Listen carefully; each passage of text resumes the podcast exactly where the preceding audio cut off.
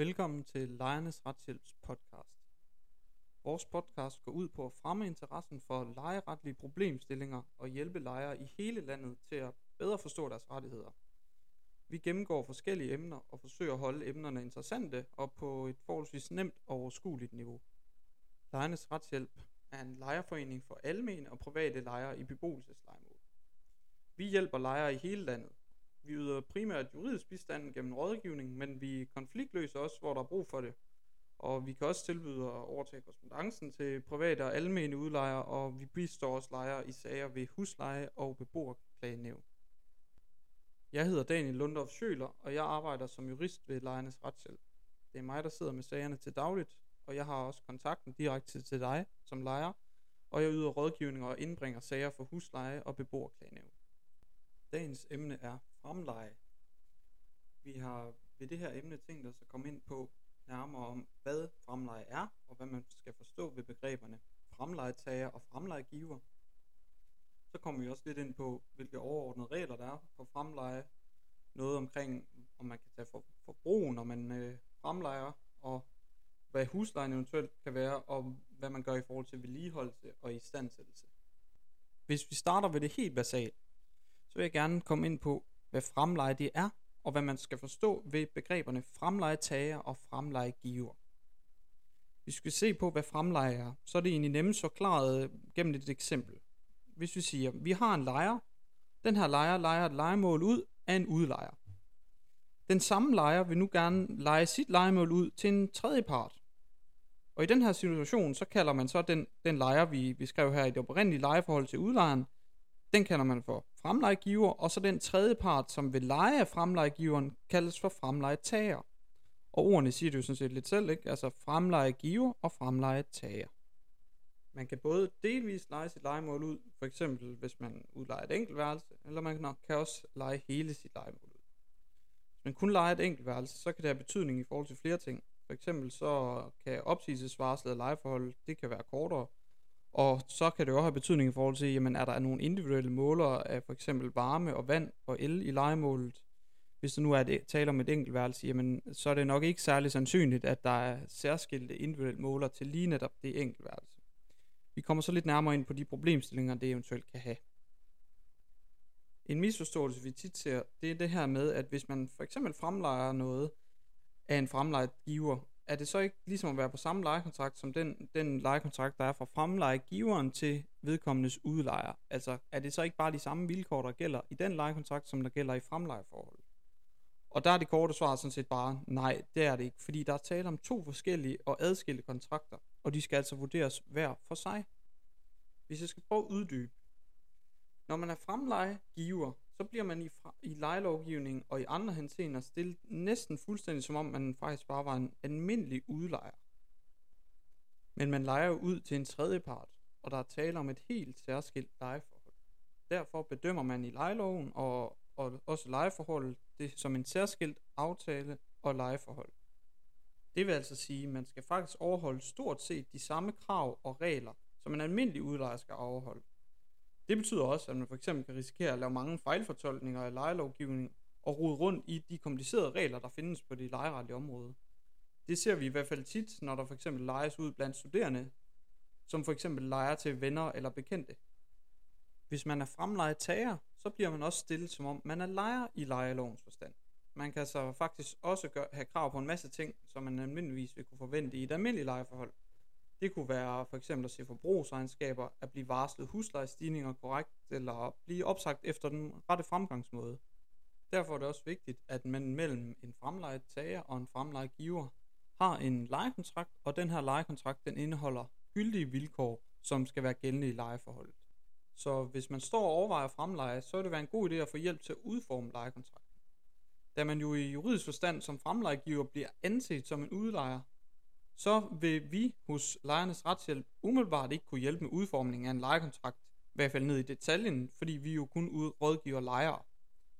Man kan jo så derfor overveje, om det ikke vil være en god idé som fremleje giver, og så tage en kontakt til en udlejerforening, som i stedet så kan hjælpe med den helt præcise udformning af lejekontrakten.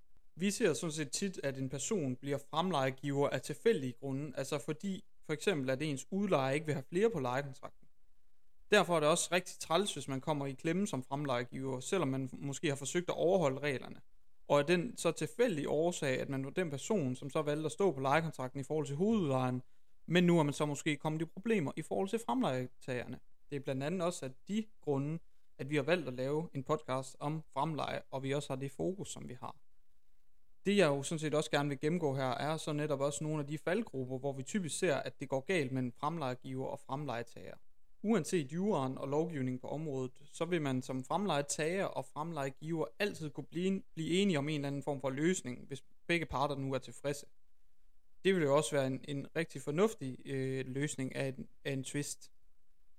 Men de konflikter og stridigheder, som vi ser, de er jo kun opstået ved, og når at en fremlejegiver og en fremlejetager ikke kan blive enige. Eller for eksempel, hvis de bliver uvenner på grund af nogle helt andre ting.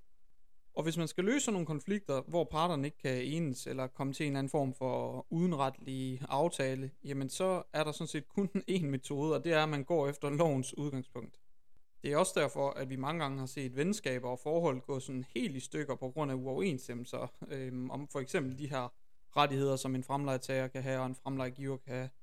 Det er også derfor vigtigt, at man så har styr på reglerne, inden man vælger at fremleje, enten som fremlejegiver eller fremlejetager, så man også ved, hvad man kan forvente, og man så man heller ikke for eksempel bliver mødt med et eller andet krav om tilbagebetaling efterfølgende.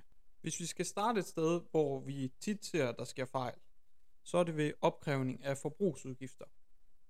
Når man leger et legemål, så betaler man almindeligvis husleje, og hvor, hvor høj huslejen er, kommer ind på mange ting. For eksempel, hvor man bor, hvilken ejendom man bor i, og om forbruget for for eksempel varme og vand, el, internet, det er inkluderet i huslejen. Altså i mange lejeforhold, så betales forbrug jo som en særskilt post ved siden af huslejen. Og det kender mange jo også ved, at de betaler af kontobidrag, som for eksempel vedrører varme og vand. En fremlejegiver er omfattet af stort set de samme krav til forbrugsopgørelser og forbrugsafregning som almindelige udlejere. Det vil sige, at hvis man leverer for eksempel varme, vand eller el til sin fremlejegiver, så skal man overveje, om man kan og vil opkræve udgiften til det her forbrug særskilt huslejen af sin fremlejetager, eller man skal indeholde det i huslejen. Husk igen på, der er tale om to forskellige lejeforhold og kontrakter, så hvad man som fremlejegiver bliver opkrævet af sin egen udlejer, det er sådan set sagen irrelevant for både hvad man kan og må gøre i forhold til sin fremlejetager. Nu nævnte jeg det her med, at hvis man som fremlejegiver leverer for eksempel varme, vand eller el til sin fremlejetager, hvad betyder det så egentlig, når jeg siger levere? Det kan igen nok bedst forklares med et eksempel. Hvis vi har en fremlejet tager, som ikke selv har mulighed for at aftale med et forsyningsselskab, at der skal leveres varme, vand og el, som eksempler til legemål, jamen så vil det være fremlejegiver, der leverer varme, vand og el osv. Så det kommer altså også an på, hvad der er aftalt i lejekontrakten, og hvad er mulighederne for at få det leveret af et forsyningsselskab. En fremlejegiver skal overholde flere krav til korrekt udarbejdelse af forbrugsregnskaber og fremsendelse af dem til fremlejetageren, hvis det er, at fremlejegiveren vælger at opkræve de her forbrugsudgifter særskilt huslejen. Og det er jo altså fremlejegiveren, der leverer det til fremlejetageren. Samtidig så skal det nævnes, at det er sådan set ikke alle forbrugsudgifter, man kan opkræve særskilt huslejen, hvis man ikke har individuel måling af dem. Det gælder for eksempel ved leveringen af koldt vand og el til andet end opvarmning. Man kan som fremlejegiver sådan set risikere at skulle tilbagebetale de seneste tre års af kontobidrag, hvis der man uretmæssigt har opkrævet beløb for øh, for eksempel leveringen af vand, og du har opkrævet det særskilt huslejen, uden at der har været individuel måling af det her vandforbrug. Jamen, hvad gør man så? Jamen altså, vi foreslår sådan set altid ved lejernes retshjælp, at der mellem fremlejegiver og fremlejetager ikke afregnes sådan nogle forbrugsposter her, særskilt huslejen. Det vil sige, at forbruget i stedet er inkluderet som en samlet husleje. Det vil sige, fremlejegiver estimerer jo sådan set altså, hvor meget forbrug man regner med, at fremlejetageren vil have. Det kan jo være, at man måske allerede har en god fornemmelse for det. For eksempel hvis man bor i legemål allerede, inden man fremlejer det. Øh, når der er tale om et estimat, så betyder det selvfølgelig også, at, at fremlejetager i nogle tilfælde risikerer at betale lidt for meget i forbrug, Hvorimod, at hvis man sammenligner, altså hvis man sammenligner med det faktiske forbrug, hvor i andre tilfælde, der slipper man måske billigere end det faktiske forbrug. Hvis man fremlejer et enkeltværelse, så vil der i næsten alle tilfælde ikke være nogen individuelle målere til f.eks. vand og el på værelset.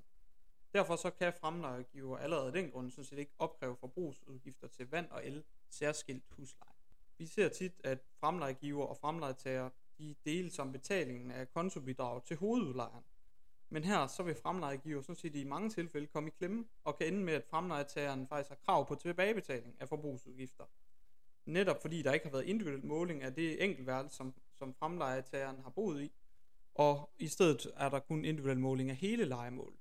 Her kan fremlejetageren sådan set have krav på tilbagebetaling, selvom man i god øh, mening og i med gode hensigter har delt udgifterne lige og bare har sammenlignet med det, udlejeren har sendt for hele lejeforholdet. Hvis man nu i et fremlejeforhold har indeholdt forbruget i huslejen så vidt som muligt, så kan man så komme over i nogle andre problemstillinger, som handler om, hvorvidt man så faktisk ender med at tage en for høj husleje i forhold til det, man egentlig må tage for sådan en type lejemål. Der er nemlig grænser for, hvor høj en husleje man må tage. Og hvis man tager en for høj husleje, så kan man faktisk risikere at skulle tilbagebetale den for høje del af huslejen til fremlejegiveren. Det er svært at udtale sig sådan helt generelt om, hvor højt huslejen for et fremlejeforhold må være. Det kommer ind på mange ting. Blandt andet hvilken ejendom man bor i, hvor man i landet bor, og forbruget, hvorvidt det er indeholdt i huslejen, hvad man vedligeholdelse osv. Hvis man nu er uenig med sin fremlejegiver omkring huslejeniveauet, hvad gør man så?